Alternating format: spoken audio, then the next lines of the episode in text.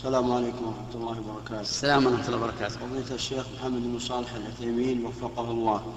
أرجو من فضيلتكم بيان ما يجب على المرأة المتوفي المتوفى عنها زوجها أن تفعله فترة العدة وما يجب عليها تجنبه بس بس.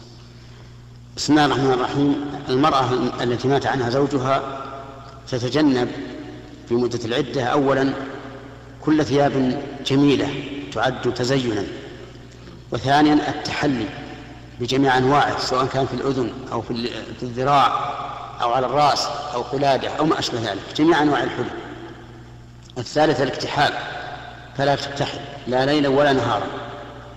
والرابع التحسين بالتحميل الشفاه أو غيرها فلا يجوز لها أن تفعل شيئا من ذلك. والخامس أن لا تخرج من بيتها إلا لحاجة أو ضرورة. والسادس أن لا تتطيب بأي نوع من أنواع الطيب. إلا أنها إذا طهرت فلها أن تستعمل شيئا من البخور تطيب بها ما حصل, حصل فيه رائحة من, من فرجها وما حوله